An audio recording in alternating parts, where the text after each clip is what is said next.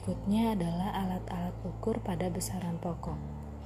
Untuk besaran pokok panjang, biasa kita menggunakan alat ukur mistar, jangka sorong, dan mikrometer screw, dan lain sebagainya.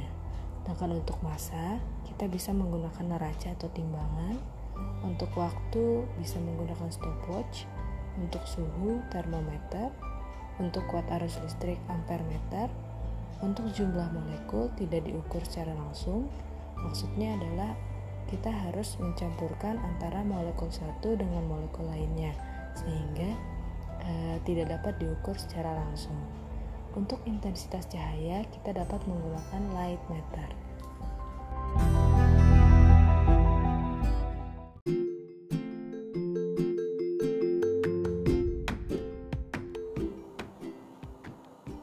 Mistar digunakan untuk mengukur suatu panjang benda.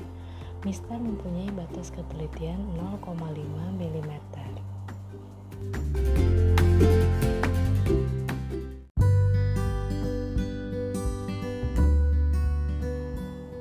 Berikutnya adalah jangka sorong.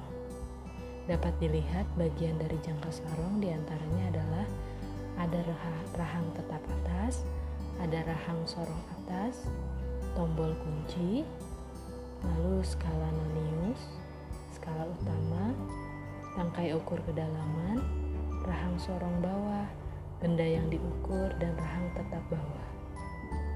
Jangka sorong digunakan untuk mengukur suatu panjang benda yang mempunyai batas ketelitian 0,1 mm jika pada rahangnya terdapat 11 strip dan batas ketelitian 0,05 mm jika pada rahang geser terdapat 21 strip.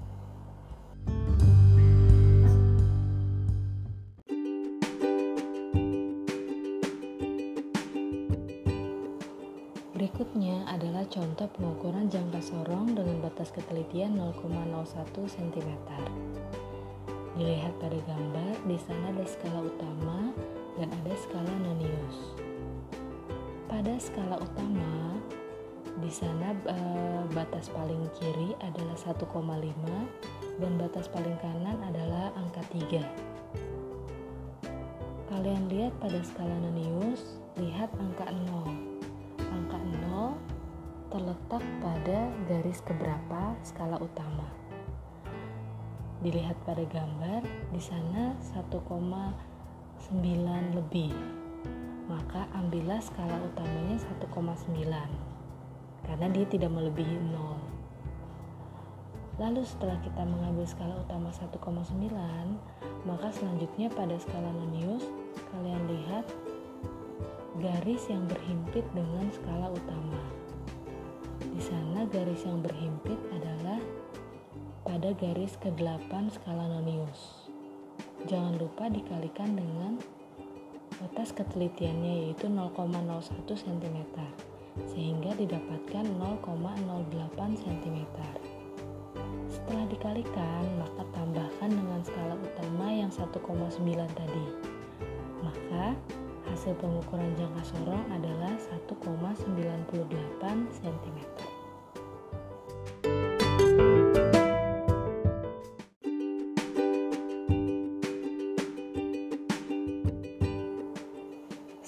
Jangka sorong, berikutnya adalah mikrometer screw.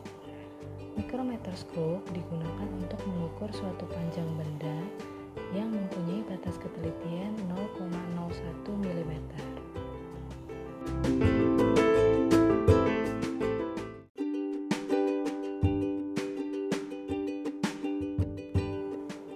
Bedanya dengan jangka sorong, jika jangka sorong skala utama dan skala nonius terletak di bagian atas dan bawah, maka pada mikrometer screw terletak pada kiri dan kanan.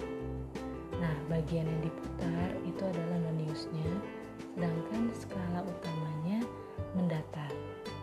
Dapat kalian kalian lihat pada gambar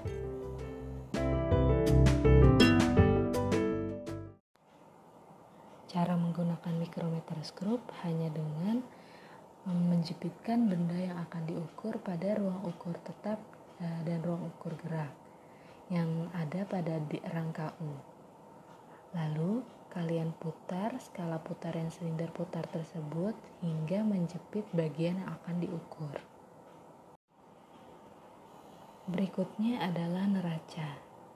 Ada beberapa macam neraca, di antaranya yaitu yang pertama adalah neraca digital, memiliki ketelitian hingga 0,01 gram atau 0,001 gram. Lalu ada neraca Ohaus memiliki ketelitian sampai 0,1 gram atau 0,01 gram. Lalu ada neraca dua lengan memiliki ketelitian sampai 1 gram. Gunanya neraca sendiri adalah untuk mengukur massa suatu benda dari mulai yang paling kecil hingga sesuai dengan gram e, dari neraca tersebut. Gambar berikutnya adalah stopwatch digunakan untuk mengukur waktu. Dia mempunyai batas ketelitian 0,01 detik. Selanjutnya adalah termometer digunakan untuk mengukur suhu. Lalu ada ampermeter digunakan untuk mengukur kuat arus listrik. Dan selanjutnya adalah alat-alat ukur pada besaran turunan. Yang pertama ada speedometer, digunakan untuk mengukur kelajuan. Lalu ada dinamometer, digunakan untuk mengukur besarnya gaya. Lalu ada hygrometer, digunakan untuk mengukur kelembaban udara. Ada ohmmeter dan voltmeter. Ohmmeter digunakan untuk mengukur hambatan listrik.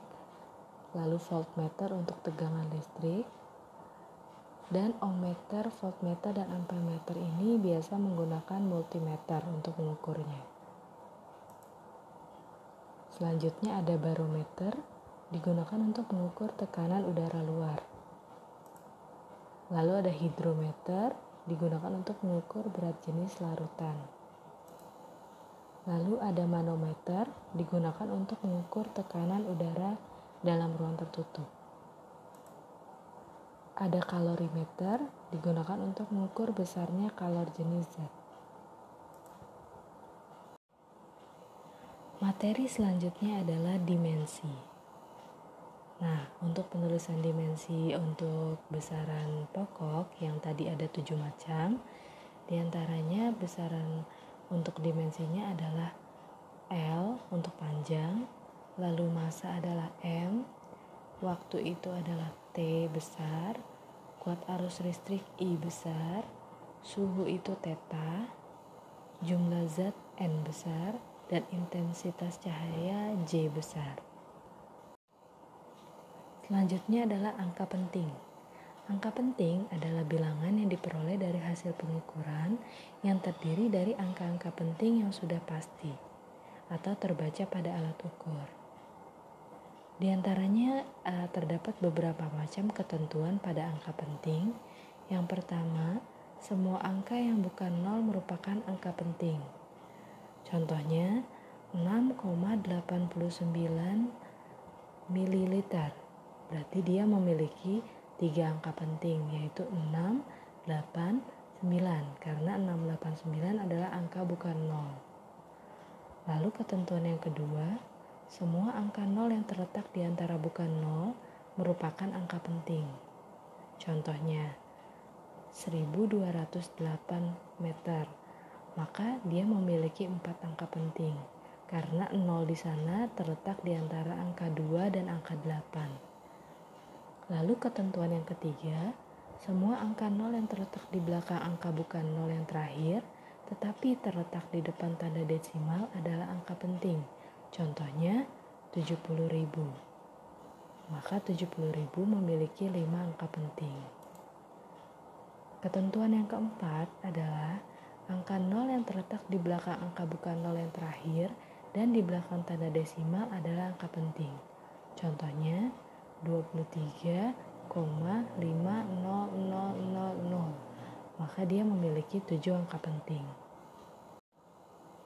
Ketentuan berikutnya yaitu angka 0 yang terletak di belakang angka bukan 0 yang terakhir dan tidak dengan tanda desimal adalah angka tidak penting. Contohnya 3.500.000. Maka dia hanya memiliki dua angka penting, yaitu 35. Ketentuan terakhir, angka 0 yang terletak di depan angka bukan 0 yang pertama adalah angka tidak penting. Contoh, 0,000352 hanya memiliki tiga angka penting, sedangkan 0 di depannya adalah bukan angka penting.